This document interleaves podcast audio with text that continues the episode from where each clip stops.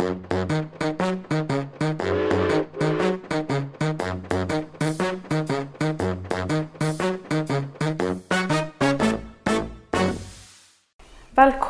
til Ekspedert. Jeg heter Ida og har med meg eh, Trond i dag.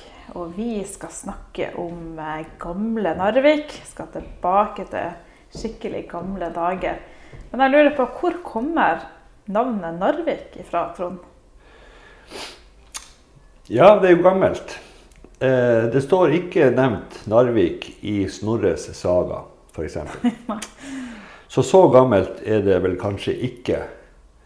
Eh, og han eh, erkebiskop Aslak Bolt, som var erkebiskop i Trondheim, mm. og som så det som en veldig viktig oppgave å registrere alle eiendommer som kirka hadde nordover i Hålogaland, deriblant Ofoten. Mm. Han registrerer Virak og Ballangen og Råna og Liland og Kjellbotn og Bøstrand. Men eh, ikke Narvik. Ikke Narvik. Ikke Narvik, ikke Taraldsvik, ikke Framnes, ikke Øyjord. Så vi må helt fram til ei, ei skatteliste fra 1520-tallet.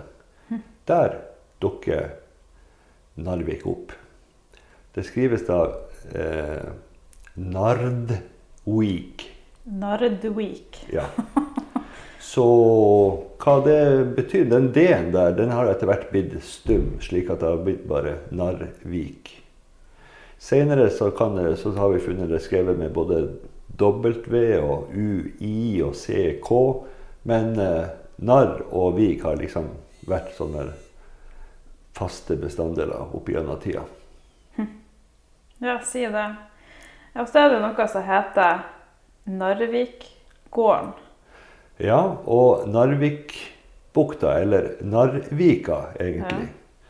Så det som vi i dag kaller for Narvik havn, det var Narvik. Det var det som var Narvik. Vika, rett og slett. Også den eh, gården som lå nærmest sjøen, og den vika, det var da Narvik-gårdene. Det, ja, det, var tre gårder. Tre gårder laget, ja. så jeg fikk naturlig det navnet. Ja, for de lå liksom Akkurat som at Taraldsvik gård lå ved Taraldsvika, og Framnes gård lå på Framnes. Så lå Narvikgårdene attmed Narvika. Og de, Du sier det var tre gårder som var Narvikgården? Ja, vi kan jo eh, Vi kan jo beskrive de eh, gårdene der slik som de var før idyllen ble brutt. Ja.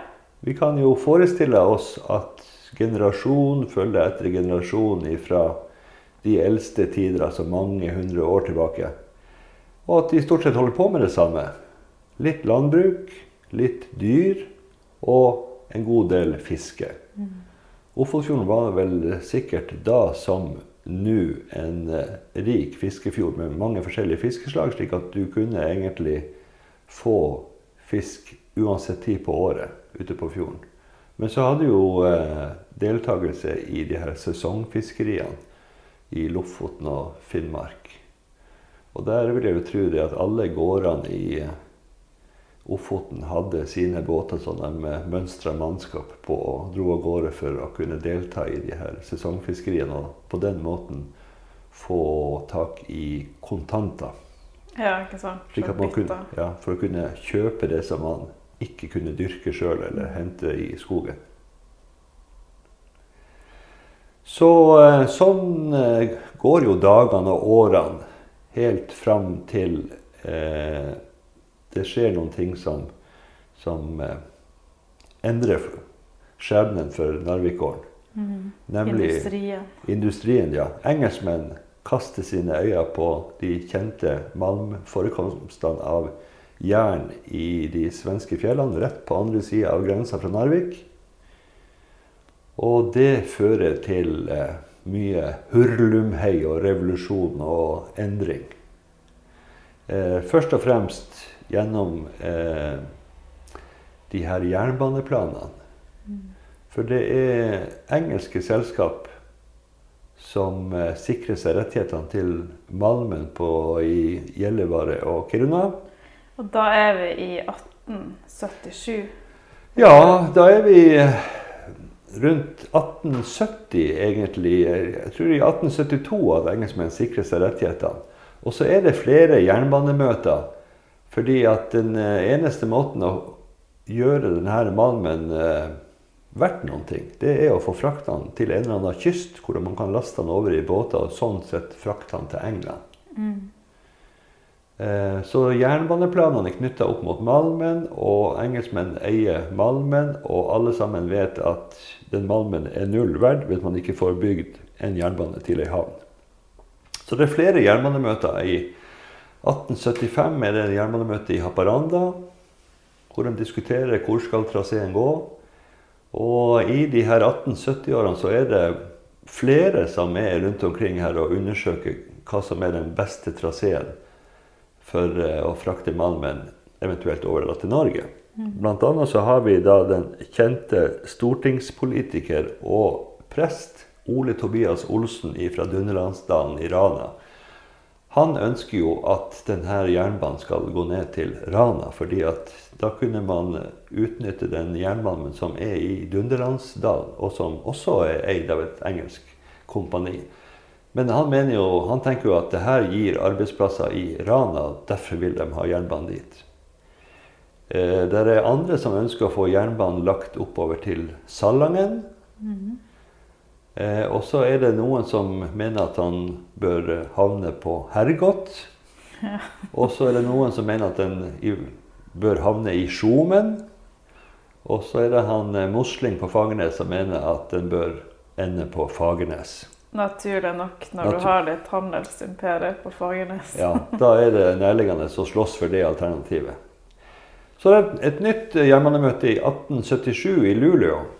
Og der tar han Mosling eh, staven fatt og vandrer over til Luleå for at han eh, sjøl kan delta på dette møtet og være med og påvirke prosessene. Han syns jo dette er veldig viktig for eh, Ofoten.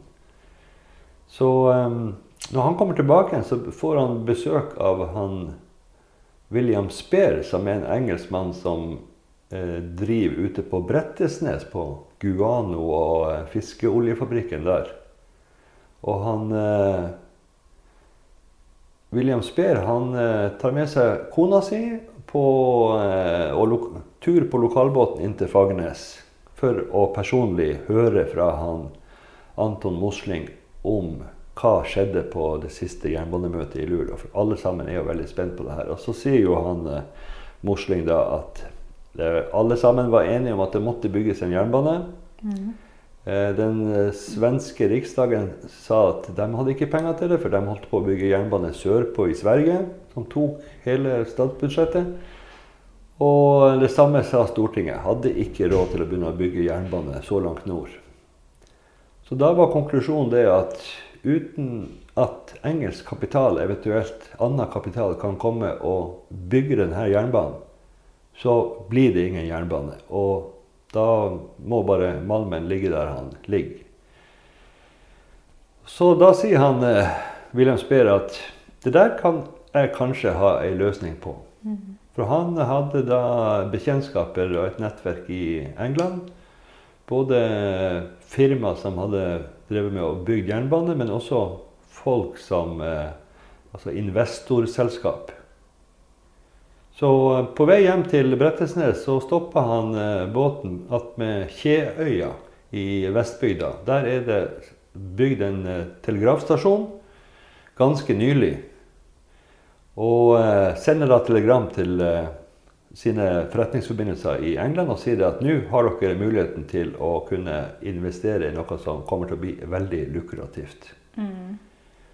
Og da tar det ikke så lang tid før eh, beslutningen eh, tas, og eh, allerede da i 1883 så får han Ole W. Lund oppdraget med å stikke traseen fra Fagernes og så opp til riksgrensen. Og det stikningsarbeidet foregår over et par somre, 83-84. Og så i 1885 så kommer de aller første engelskmenn til Narvik. Og egentlig med det så er idyllen brast på Narvik. Ja, da er flere hundre års eh, idyll, eller i hvert fall eh, det som var normalt, blir plutselig helt kasta om på og omkalfatra.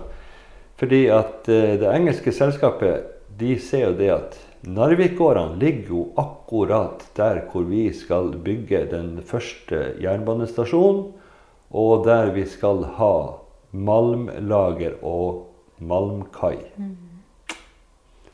Du har en liten eh, tekst foran deg som beskriver Narvikgården og egentlig idyllen der. Ja, du skjønner at han Ytterstad, som skrev de første to uh, bindene av uh, Narviks historie til 50-årsjubileet i 1952 han, eh, han skrev da en liten tekst om hvordan det her så ut før engelskmennene kom, og før, ble, før Narvik ble Victoria havn. Og Da skriver han det Narvikgårdene, eller Gamle Narvik som de nå gjerne kalles, lå i en vakker solhelling mot sjøen, med skråning, eh, skrånende jorder omgitt av bjørkeskog og åser i vest, og av Fagernesfjellet i øst. Fra fjellet så kom Leirbekken som skar seg ned like øst for gårdene og fikk tilløp ifra Narvikmyrene som strekte seg mot nord-nordøst på flata over mot Taraldsvik og Vassvik. Plasseringen av våningshusene lå mot hverandre og danna et tun der veiene møttes, og med godt utsyn over Narvikbukta. Bak våningshusene lå fjøsbygninger, og nedenfor tunet lå det flere mindre uthus og andre bruksbygninger. Og sånn så det altså ut fram til det engelske anlegget kom marsjerende inn. Ja, og så har vi jo ikke nevnt, egentlig for de som ikke klarer å orientere seg helt, hvor eh, lå Narvikgården? Hvis man skulle beskrive det i bybildet i dag i Narvik. Vi får vel kanskje si det at det her rosa bygget nede på havna, det store, firkantige kontorkomplekset, Mm. som tidligere var LKAB sitt administrasjonsbygg, det ligger ganske nøyaktig på nedre del av Narvikårene. Mm. Altså rett nedfor det her eh, veikrysset og det tunet. Mm. Hvem var det som bodde eh, i de her eh, tre, tre husene som hørte til Narvikgården? Ja, det, det var Det altså var vel litt tre- av et gjeng. Ja, de her Narvikgårdene var altså tre gårder Ja, pluss en husmannsplass. ja. I dag så er det jo kanskje færre og færre som vet hva husmenn og husmannsplasser var for noen ting. Det vil jeg tro. Så eh, vi kanskje skal si noen ord om det. Altså en husmannsplass, der bodde folk som ikke eide sin egen jord, men fikk leie jorda hos noen som eide jorda, mot at de da eh, betalte med sin egen arbeidskraft på gården til bonden som eide gården, da, eller husmannsplassen. Så det var ganske vanlig at eh, bondegårder rundt omkring hadde flere husmannsplasser. For det var jo da rimelig Arbeidskraft. Ja. Ja. Og eh, det systemet varte jo helt til det her husmannssystemet ble, eh, ble endra og ikke fantes mer. Fordi at man skjønte at det der egentlig var et slags slaveri. Slaveri satt i systemet. Slaveri satt i systemet. Men for de som var nederst eh, i eh, hierarkiet, så var det der på en måte en mulighet til å skaffe seg et utkomme til familien. Men eh, vi kan jo begynne med de her eh, bøndene, da. Eller gårdeierne. Vi har han Andreas Andersen. Han er da eh, 44 år i eh, 1865, hvor de her folketellinga er. Og han er gift med ei som heter Ane. De har hest og kyr og sau og geiter og en gris. Og så har de én, to, tre, fire, fem barn. Eh, og så har vi han Ole Johansen og kona som heter Ane Andersdatter, som kommer fra Finland. Han er 42 og hun er 33. De har seks kyr, hest, får, geiter og en gris. Og seks barn. Pluss ei gammel dame som han har på legg, så de ser etter. Og så har du han eh, Amund Olsen på 42, som er gift med ho Dorthea Hansdatter fra Hokkvik. De også har hest, kyr, får, geiter og en gris. Og flere barn. Og flere også på sånn legd. Det er de som bor der. Og så har vi husmannen, da. Oppe på Husmannsplassen. Omtrent oppe med der hvor LKAB sin administrasjon holder til i dag. Litt oppi lia mot Framnes. Der bor han eh, Amund Nikolaisen på 37 år, og han, han er gifta med hun Lavina Ingebrigtsdatter, også 37 år. De har ikke fullt så mange dyr. De har ei ku, to får, ei geit. Og plassen heter Johannesheimen. Men når det engelske anlegget kom, så var det jo ikke plass til de her folkene. De måtte jo forlate området. Ja, de ble, eh, de eh, ble løst ut. Det vil si det at eh, det engelske selskapet tilbydde dem erstatning for å forlate gårdene. En del av oppgjøret fikk de som kontante penger. Og en del av oppgjøret fikk de aldri, fordi at engelske selskap gikk jo konkurs i 1889, før de hadde liksom fått betalt alle avdragene til de som bodde der. Men i alle fall, sommeren 1885 så bor de folkene som vi nevnte nå, fremdeles på plassen. De skjønner at de må finne seg en annen plass. Og neste sommer så flytter den ene familien inn til Millejordnes, eller omtrent der hvor den møbelbutikken ligger i dag. Mm. Rett på øversida der heter det Nyborg. Og de kalte plassen Nyborg, for det var deres nye borg etter at de måtte forlate Narvik. Eh, han, Amund Olsen han flytter litt lenger opp i byen og bygger seg hus. Og han Ole Johansen tror jeg flytter inn til Leirvik med familien sin. Mm. Dette var jo folk som, som, var kjent for å være arbeidsom, gudfryktig og nøysom. Mm. Sånn måtte det være for å få det til å gå rundt på den tida der når man liksom hadde en naturalhusholdning og var avhengig av det som gården ga. Så de fikk jo en voldsom sånn kulturkollisjon med anleggsfolkene som kom. Ja, det er jo klart å egentlig levd for seg sjøl. Ja, det, og det var flere episoder hvor anleggsfolk nærmest brøt seg inn i hjemmene deres og, og eh, harselerte med, med, at de var pietistiske og religiøse. Og, så det var, det var, ikke noe sånn eh, festlige forhold i første, de første årene når det engelske anlegget kom. Men eh, de flytta jo ifra og satsa på et nytt liv på en annen plass. Dermed, men husene ble jo ikke revet. Nei, for de ble brukt. Ja, det var jo eh, katastrofal husmangel eh, den første tida under det engelske anlegget. Og det, det, var egentlig ikke noe særlig bedre i begynnelsen av det norske anlegget. Det, det, kom rett og slett for mye folk og ville ha arbeid, og alle skulle ha tak over hodet. Folk, folk, ja, folkene flytta. Ja, de flytta, men egentlig ikke så langt unna. Nei. de holdt seg nær. Nei, de skjønte vel at, at med det her jernbanebygginga så dukka det opp et marked for å kunne selge det som de produserte på gården sin. I tillegg til at de kunne ta seg arbeid. Jeg vet jo at en av sønnene på gården han fikk jo jobb på anlegget. Både på det engelske og på det, senere på det norske anlegget. Ja. Men husene ble stående. Folket for, men husene ble stående. Ja, ikke sant, for det var boligmangel Ja. egentlig under denne, begge anleggsperioden. Ja, så eh, når vi ser de her bildene som er tatt fra det engelske anlegget og det norske anlegget, så ser vi jo det at husene blir ikke revet før de nær sagt befinner seg under jernbanefyllinga. Da først blir de slukt av ja, industrien. Ja, ja, de blir slukt av industrien. Men de tjener altså som eh, oppholdssted for, for anleggsarbeidere og folk som er tilknyttet anleggene. Helt fram til, det ikke, eh, til husene bare må rives fordi at noe annet skal bygges på samme plassen. Finnes det noen rester etter Narvikgården? Er det noen hus som står igjen i det hele tatt? Ja, faktisk så klarte man å berge ei av, eh, ett av de bygningene.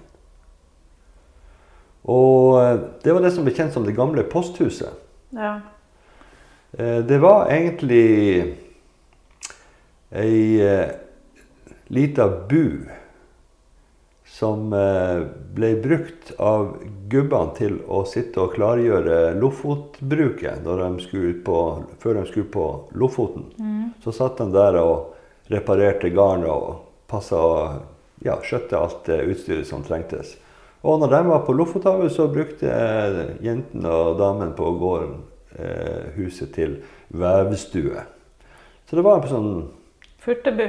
Ja, i furtebu. Altså. Dit man kunne gå når det ble for mye ståk og leven eller for trangt i våningshuset. Og hvor kan man besøke denne bygninga nå i dagens bybilde? Ja, I dagens bybilde så har det fått en veldig fin plass, det her gamle posthuset, eller det gamle løa, eller uthuset fra Narvikgården. Og det er altså øverst i Valhallaparken. Dvs. Si den parken hvor vi har monumentet etter Norge og Eidsvoll tvers over fra Sjømannskirka. Ei lita enetasjes lafta trebygning med ei dør og et par-tre vindu og torv på taket. Ser maken ut som den gjorde den gangen den lå nede på Narvikgården. Og den her er restaurert av voksenopplæringa på Øra, eller bygd opp igjen. For de hadde jo bevart det, hadde de ikke Ja, altså, rester av bygget da det ble revet. De hadde jo tatt vare på en del av bygget når det ble eh, revet. Og det var jo meninga at det skulle gjenoppbygges en eller annen plass. Men årene, årene gikk, og det ble ikke realisert. og når det da endelig eh, fantes penger og plass til å sette opp det her eh, huset igjen, så var det gått råte i veldig mange av stokkene. Så det måtte gjøres en solid restaureringsjobb for å få det slik som det hadde vært. Eh, og det her Valhallaparken er ikke den første plassen hvor det her gamle posthuset sto. Det ble først satt opp utafor parkhallene nede bakom Scandic hotell. Der ble det bygd opp først. Og så når Ofoten museum flytta ned hit, så ble jo eh, parkhallene brukt til andre ting. Og det var ikke noe vits å ha en, gammel, eh, en kopi av det gamle posthuset stående utenfor noe som ikke lenger var museum. Så da måtte man finne en ny plass, og da fant man ut at det kunne stå der hvor, veien inn til museet går i, dag. Så da kan vi jo egentlig bare avslutte denne episoden med å anbefale en tur i Valhallaparken. For å se litt av Narviks Narviks fordumshistorie. Ja, vi kan jo da også nevne at en av de som bodde, fikk bo i det her eh, posthuset, da, det var den aller første lokomotivføreren på eh, det vi kan kalle for Ofotbanen. Altså, engelskmenn de rakk jo faktisk å bygge jernbane fra Fagernes og så opp til den første tunnelen. Eh, Ornes tunnel. Og eh, det toget som da gikk opp og ned langs denne banen med arbeidsvogner og Det var altså Det lokomotivet heter da Ofoten. Og han lokføreren heter Futter. Lokføreren heter Futter, ja. Og han bodde i det her posthuset. Ja. Og så skal det sies da at eh, vi har jo eh, bevart poststempelet som ble brukt når eh, Narvik ble eh, poststed. Og det var ikke 8500 Narvik. Det var Victoria havn som sto på stempelet. Og eh, det var skrevet da med, ikke med C, men med K. Og eh, ikke havn, men havn. Og han, eh, William Speer han hadde jo en eh, baktanke med å kalle plassen for det som fram til da hadde vært Narvikårene. Kalle det for Victoria havn. Og det ville jo da bli navnet på jernbanestasjonen som skulle ligge der. Og det hadde jo vært veldig fjongt å ha Victoria havn jernbanestasjon. Eh, Og det, men det var mest for å smigre seg inn hos de som skulle investere i det her. Fordi at eh, eh, kronprinsessa i Sverige hun heter Victoria på den tida. Og dronninga i England het også Victoria. Så sånn sett så var det jo et, Fengende navn. et fengende navn ja, som eh, spilte på mange assosiasjoner. Eh, Men senere, da når, eh, når engelskmennene hadde dratt, og det norske anlegget var ferdig, og byen var under full bygging, og søkte om å bli kjøpstad, og Stortinget skulle avgjøre om de skulle på en måte bli by, så dukka jo eh, spørsmålet om hva i verden skal vi kalle plassen? Og da satte Ofotens Tidende, som allerede da var tidlig ute og var byens avis, Mm. de ble jo stifta i 1901. De hadde en navnekonkurranse. Og de ønska egentlig å få et navn som hadde Ofoten i seg. Naturlig nok. Naturlig nok, ja. Så, eh, men eh, det var ikke Ofothavn som vant den konkurransen, og heller ikke Narvik. Men eh, det her var jo på en måte en uoffisiell navnekonkurranse, da, så det ble ikke lagt så mye vekt på i stortingsbehandlinga. Derimot så, så var det et annet argument for å velge Narvik. Og det var det at på alle de her avtalene og eh, ekspropriasjonssakene og dokumentene som var knytta til etableringa av byen og, og de eiendommene som skulle ligge her, eh, der var Narvik brukt. Og det var det som gjorde utslaget når eh, komiteen på Stortinget skulle gi sin innstilling. Det var det at Narvik er et bra navn. Mm.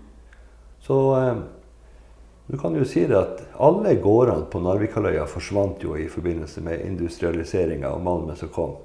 Ikke noen gårder igjen på Framnes. Havna jo under, først under jernbanesporet og så under flyplassen. Tarasvik, Det er blitt boligfelt, campingplass, våpenfabrikk og litt av hvert. Men det er ikke mulig å si at det har ligget en Taraldsvik gård der. Så alle gårdene er borte. Men bare Narvikgården eh, kan leve med at de faktisk eh, ga navn til byen. Til byene. Og da sier vi takk for at du hørte på, og Ja. takk for oss.